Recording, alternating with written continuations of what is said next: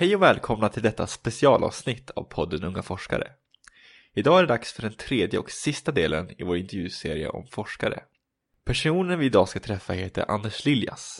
Han är professor emeritus i molekylär biofysik vid Lunds universitet och förutom en gedigen karriär som forskare har han dessutom suttit med i Kungliga Vetenskapsakademien.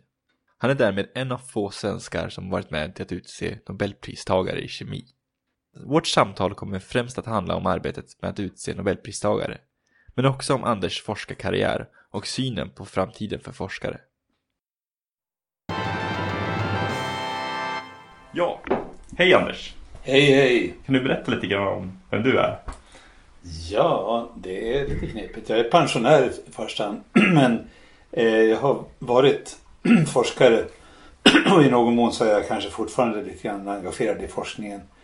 Eh, och jag började i Uppsala en gång i tiden eh, och jag stötte på en man som var ruggigt eh, engagerande och så vidare. Och så fick jag möjligheten att göra det som kallades på den tiden trebetygsarbete för honom och då var jag liksom såld. Och det handlade om att börja undersöka strukturen av enzymer och på den här tiden så var det fortfarande ingen, uh, inget framgångsrikt uh, experiment av den här sorten som hade gjorts i Sverige. Ja. Så vi var liksom, åtminstone i Sverige, ledande och eh, så småningom så ledde det fram till att jag gjorde en, min doktorsavhandling tillsammans med honom på det här enzymet som vi hade börjat titta på. Det här enzymet då, det var ju det första enzymet som undersöktes i Sverige och det här hade sin bakgrund i att det fanns andra svenska forskare som hade jobbat med det här enzymet. En man som heter Bo Malmström la grunden till det här arbetet och man kan säga kanske också att en figur som heter Ingvar Lindqvist Eh, var den som eh, ville att de som jobbade med kristallografi i Uppsala skulle också eh, börja med kristallografi på, på biomolekyler. Så att det här det, jag blev så att säga en, en del av det projektet. Så man kan säga att du har varit eh, involverad just i biofysik. Biofysik är absolut det det handlar om. Vad hoppas du kommer bli nästa stora smäll inom biofysik? nu när jag tittar på ansökningar här och som jag också skriver en lärobok så är det uh, inom mitt speciella område strukturanalysen uh, utav komplexa molekyler. Eh, så spännande utveckling för att eh, elektronmikroskopin har gått in i en helt ny fas. så att eh, det här har öppnat vägar för att undersöka mycket mer komplexa system som inte går att kristallisera. Hittills har vi varit beroende av att undersöka det som går att kristallisera. Men med hjälp av elektronmikroskopin så tittar man på enstaka partiklar som ligger i olika orienteringar här. Och här är det alltså ett mm, oerhört omfattande område som man kan gå vidare med. Och elektronmikroskopin har också eh, en annan gren som heter tomografi där man så att säga lutar på, på prover och får också där då en tredimensionell bild utav eh, mycket komplexa strukturer i våra kroppar och så vidare. Så att eh, det här kommer att vara leda till att läroböcker kommer att skrivas om från grunden. Jag tänkte att vi skulle prata lite grann om eh, just eh, Nobelpriset. För du har, du har lite, varit involverad lite grann i just tilldelningen av Nobelpriset. Ja, jag har jobbat i Nobelkommittén för kemi eh, i 12 år. Det var någon gång under 90-talet som jag kom med. Sen jobbade jag 12 år med Nobelkommittén. När man fyller, det år man fyller 70 då är man för gammal för att vara med. Så är våra regler. Så att då steg jag ett av. Men det var en oerhört spännande tid liksom, att få vara med om detta prestigefyllda pris. Men du kanske kan berätta lite grann om hur eh, tilldelningsprocessen går ut. Hur, hur blir man nominerad för eh, Nobelpriset? Ja, det går så till att eh, Vetenskapsakademin i Stockholm skickar ut inbjudningsbrev till 2-3 tusen forskare eller institutioner runt omkring i världen för att de ska eh, själva eller också att deras institution får chansen att eh, eh, skicka in en nominering på forskare. Och eh, det är bara årets nomineringar som gäller för Nobelpris. Så om någon inte är nominerad ett år så kan han inte heller få Inbjudan går ut någon gång ja, i början på hösten året innan. Och sen eh, sista dag för att nominera är sista januari året därpå. Så att man har fått lite tid på sig att tänka och fundera. Men vad man inte får göra är att resonera om det hela med andra. Man mm. kan ju så att säga sondera terrängen utan att säga varför man frågar. Men, men man bör hålla tyst med att man gör en nominering för Nobelpriset. Och eh, när eh, alla nomineringar kommit in, vad händer då? Ja, då är det Nobelkommitténs uppgift att eh, läsa igenom alla nomineringarna och hantera dem. Eh, I första hand så är det en sekreterare i kommittén som eh, får hantera alltihopa och se till att allt kommer i god ordning och så vidare. Så trycks det en bok. Men sen får alla i kommittén eh, och även alla faktiskt i, i eh, akademiens klass, i mitt fall för kemi, får en kopia av alla nomineringar som man kan titta på. Och det här bearbetas sen under året och Nobelkommittén sammanträder kanske en gång i månaden uh, under hela året för att jobba med det här. Och uh, man ser här då att här är det några viktiga saker som man har uh, skulle behöva skaffa sig bättre uppfattning om och då går inbjudningsbrev ut till mycket sakkunniga personer någonstans i världen, Sverige eller på andra länder som själva inte är nominerade eller skulle som får utvärdera en person, ett fält eller en grupp personer och så vidare. Det brukar inte alls vara svårt att rekrytera forskarkollegor som, som vill göra en insats i det här och uh, många gånger så är det väldigt väldokumenterade och um, omfattande svar som kommer tillbaka. Man ser ju här att det finns vissa fält som är väldigt heta och det kommer in kanske ett antal olika nomineringar inom ett och samma fält. Så att här ser man, okej, okay, här har vi ett fält som är viktigt som vi inte bör glömma och eh, här finns ytterligare ett, så att man, det finns ett, ett rad, kanske ska vi säga 10-12 olika områden som är eh, angelägna och man blir uppmärksammad på att det här är ett mycket viktigt område inom kemi, fysik eller vad det nu kan eh, handla om. Och då får man liksom börja bearbeta eh, de insatser som har gjorts inom det här fältet. Både för länge sedan kanske, men också de färska insatserna. Och eh, i första hand så är det ju en viktig uppgift att vaska fram pionjärerna i ett visst fält. Vem hade den, den ursprungliga tanken som ledde fram till en, nya stora upptäckter här? Men mot slutet av processen, hur många kan vara aktuella för Nobelpriset? När det ska gå till beslut? Ja, det kan väl röra sig om en kanske fem, sju, åtta områden och, eh, som man, man bearbetar här och inom varje område så kan det vara en enda person eller det kan vara fem, sex personer där man måste vaska fram vilka är det som är de mest prisvärda i det här området. Kan det vara stor oenighet mellan institutionens medlemmar? Eh, ja, alltså som alltid när människor är involverade så, så eh, går tankarna isär men man, man får ändå hitta en process som gör att man kommer i mål. Menar, eh, om det finns någon som, som har fundamentala eh, invändningar mot att, att eh, någon grupp skulle få priset och sånt händer och har hänt. Eh, då blir det inte ett tal utan det måste finnas en enighet om att det här är ändå absolut den bästa konstellation vi kan göra. Att den här personen inte får uh, Nobelpris det här året, då får man komma igen nästa år. Så konsensus är viktigt?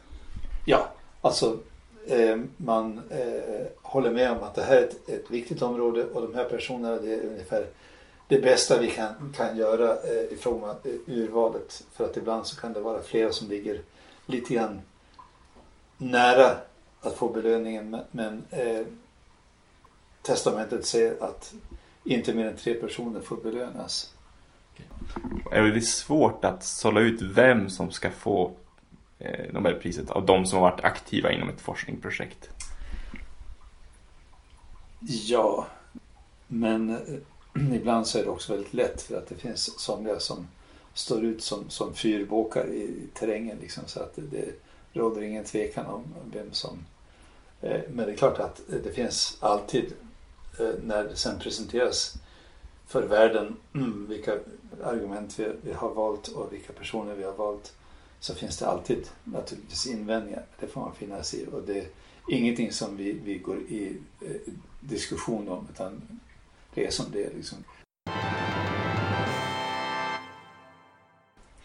Eh, jag tänker lite grann på vad, vad utgör ett bra forskningsprojekt? Ja, alltså nyhetens behag är ju väldigt viktig här eh, och eh, även gamla områden kan ju bli som nya när man får en eh, ny tanke om det hela. För att ta ett, ett exempel här så fanns det ett fält som handlade om metylering av nukleinsyror. Här var det då en hel stor skara forskare som jobbade med, med metylering utav, utav eh. Att man hade upptäckt den här modifikationen och eh, men folk skrattade bakom deras rygg. Varför tittar ni på någonting så idiotiskt? Uh, det finns ju inget intresse för det här. Det här är naturens uh, udda skickelser som gör att det blir så här. Men uh, det finns ingenting att hämta i det där området. De fick inga pengar till sin forskning. De fick kämpa sig fram.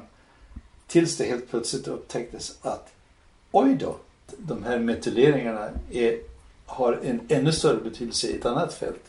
Och det handlar om eh, det som kallas för epigenetik. För att, eh, och här är det modifikationer både av DNA och eh, av de proteiner som, som DNA, DNA sitter upprullat på histonerna som är modifierade. Och det här är ett mycket intressant fenomen som, som eh, säkert bearbetas för Nobelpris men som inte har kommit fram till det, den punkten än för att det råder så mycket osäkerhet och oenighet i det hela. Och den här epigenetiken handlar om alltså att eh, vårt arv här i form av DNA som vi ärver från mor och far det kan också påverkas så att vissa gener är avstängda på grund av metyleringar eller på grund av modifikationer utav de här histontrådrullarna som DNA är uppvirat på. Och de här modifikationerna ärver vi också från mor och far och från morfar och mormor, farfar och farfar och ett antal generationer tillbaka. Så att även om du har eh, arvsanlagen här för att kunna göra vissa saker så är de avstängda. Så att det här är så att säga, arv och miljö har här kommit tillsammans på nytt. Men vad, vad, eh, vad karaktäriserar en alltså Nobelpristagare eller för den delen en framgångsrik forskare? Vad är det som de har gemensamt? Ja, för det första eh, nyfikenheten. Men också att eh, inte gå på det triviala. Det finns, man skulle kunna säga att det finns frimärkssamlare inom, inom forskningen. Och eh, det betraktas kanske inte alltid som, som särskilt Eh, spännande. Men när du säger det så, så tänker jag på en, en av de stora kemisterna i tiden här alltså som fick Nobelpriset eh, och det är eh, Pauling. Linus Pauling. Och jag läste den utvärderingen av hans forskning som gjordes inför att han skulle få Nobelpriset. Och en av de första frågorna var vad har denna man gjort? Ja, han har gjort undersökningar av en det ena, en det andra med olika metoder. Men han var inte först i någonting av det här. Så att varför ska vi fundera på att han ska ha Nobelpriset? Jo, alltså han var den som, som la grunden för eh, modern kemi överhuvudtaget. Han bara samlade data för att förstå den kemiska bindningens natur och uh, gjorde banbrytande insatser i, i fråga om det. Men alltså de, de separata undersökningar som han gjorde de var ibland närmast triviala. Men han samlade frimärken för att bygga upp någonting uh, nytt och stort och spännande. Att vi får en helt ny uh, fördjupad kunskap om kemiska bindningen. Hur den ser ut. Så att, jag menar, även frimärkssamling kan ibland vara, vara mycket värdefull och viktig. Så man säger så, lång och gedigen forskning.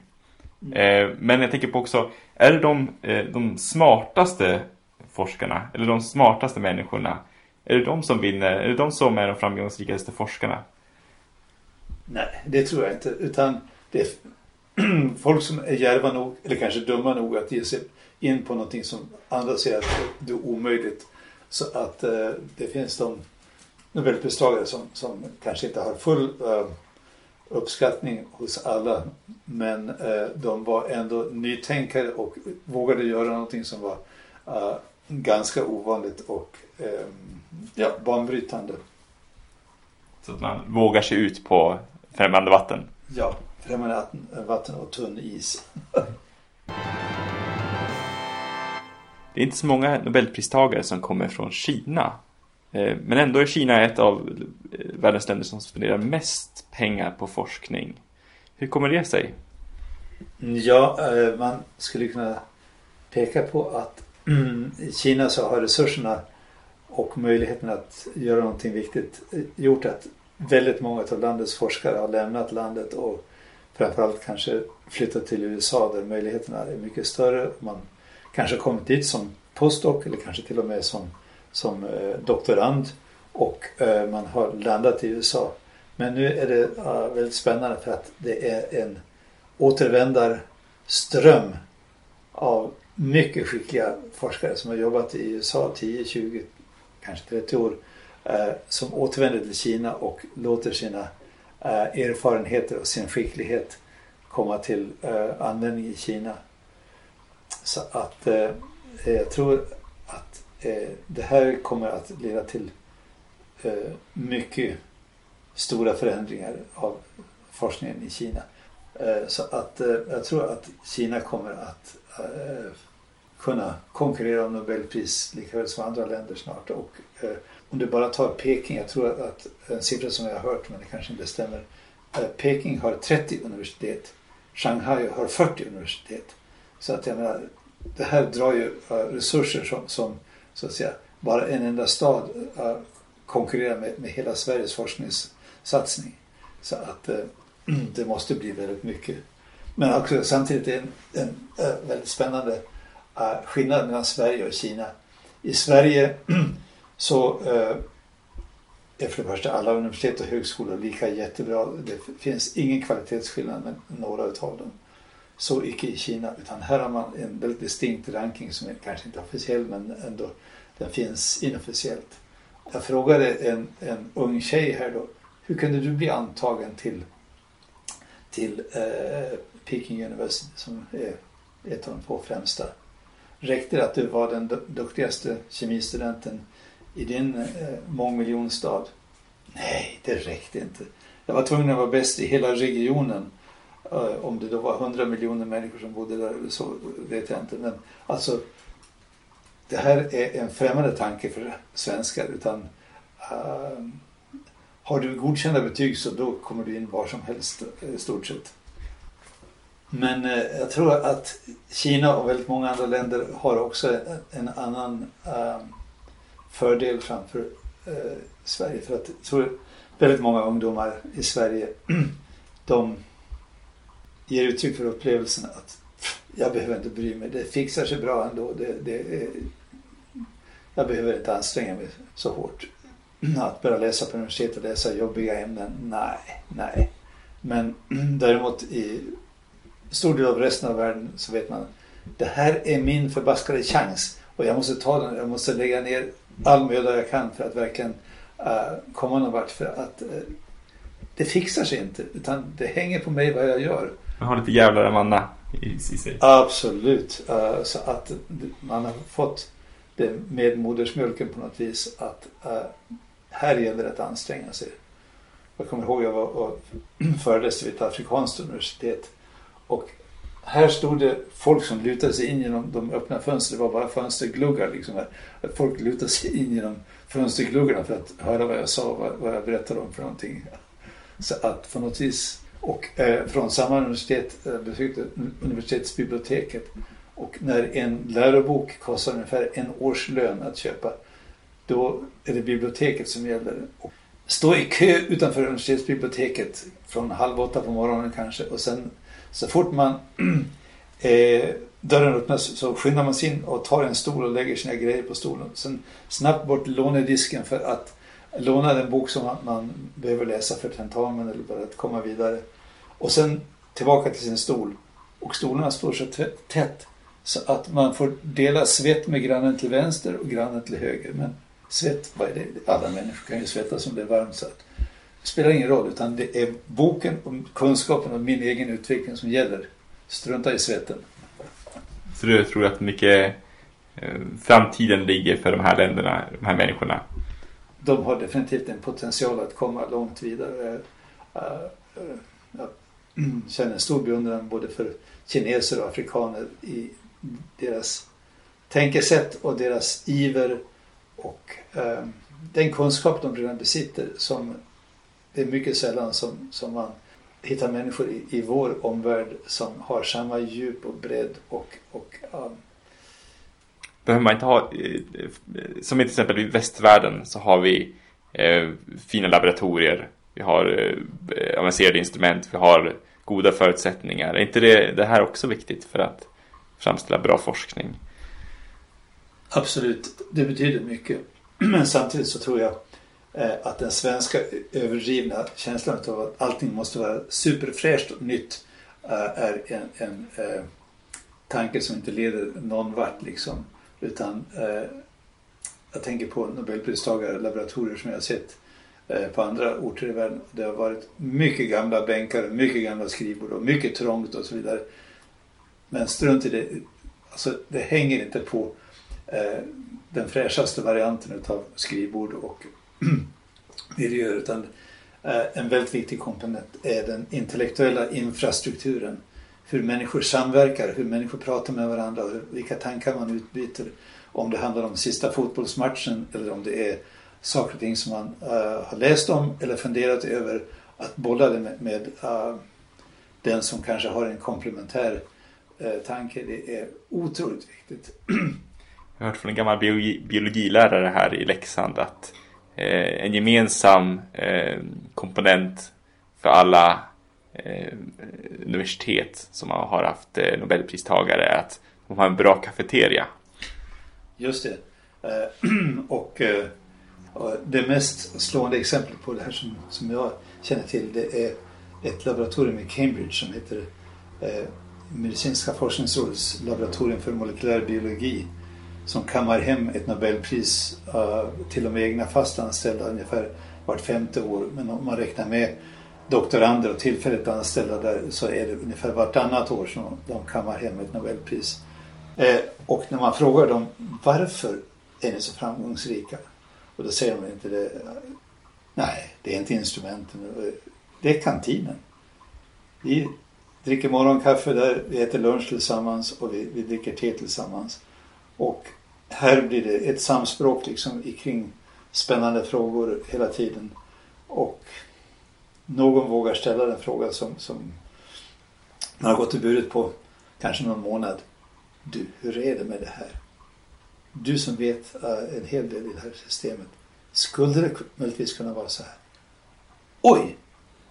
Ja men självklart, så här måste det vara. Vi måste sätta igång och undersöka det här. Så att Nobelprisen föds i kantinen, i kaféet. Ett universitet är en enorm resurs av kompetens. Tänk på alla institutioner och så vidare som finns där.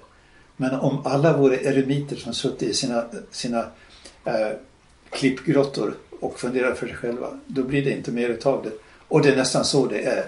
Här sitter var och en vid sitt skrivbord med sin kaffemugg och funderar och funderar och gör saker och ting. Men alltså i, i samverkan så skulle mycket mer kunna hända. Så att eh, det måste man ta vara, ta vara på och samverka kring kaffe, te, lunch, varför inte ett glas öl eller vin. Det är då som, som uh, de spännande tankarna kan födas. Vad är det bästa med Nobelpriset? Ja, det var ju spännande långt tillbaka när Nobel hade dött.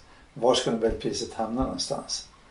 Och eh, fransmännen ville ju definitivt, eftersom han dog i Frankrike och bodde i Frankrike på den tiden, så var det en väldigt angelägen sak för, för fransmännen att Nobelpriset skulle bli ett franskt pris. Men eh, Ragnar Solman som var eh, Nobels medarbetare, unga medarbetare på den tiden. Han eh, hade att hantera det hela och eh, han samarbetade med en fransk jurist som gick igenom eh, lagparagrafer och förarbeten till dem. Och här kom han fram till en väldigt viktig eh, tanke som var nedskriven på pränt. Ditt hem är där dina hästar är stallade. Och uh, hade Nobel några hästar i Paris? Icke. Men däremot så han tre år innan köpt Björkborns herrgård utanför Karlskoga. Och här hade han tre eleganta, jag tror det var ryska, eh, hästar stallade. Så uppenbarligen så var eh, Nobels hem Björkborn utanför Karlskoga i Sverige. Så att därför så hamnade Nobelpriset i Sverige. Och Sverige har haft en oerhörd nytta och välsignelse av det här. För att eh, svensk forskning har fått kanske en viktig extra skjuts av det som inte kan värderas i pengar utan uh, Sverige är viktigt i forskningssammanhang.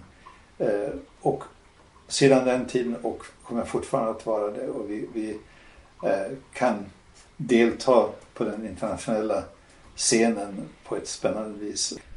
Men vad betyder Nobelpriset för forskarsamhället? Ja, alltså det finns ju gott om priser numera och jag tror det finns priser som överstiger eh, Nobelpriset i, i, um, i pengamässigt. Men eh, Nobelpriset har fått en sån aura. Det är ett gammalt klassiskt pris. Första gången delades ut 1901.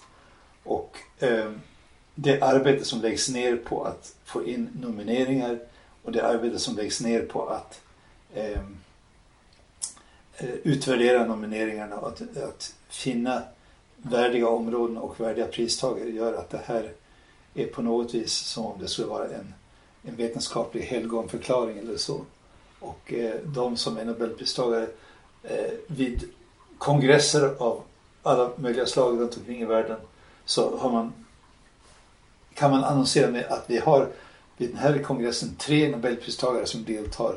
Så att det här är lyft på den här kongressen. Och jag menar, Eh, Nobelpriset lyfts fram i alla möjliga sammanhang som någonting mycket speciellt, vilket eh, det är. Och det är väldigt viktigt att vi fortsätter att, att arbeta för att hålla upp dess kvalitet och dess rykte. Liksom, för att, som jag ser det, är oerhört värdefullt för, för svensk forskning.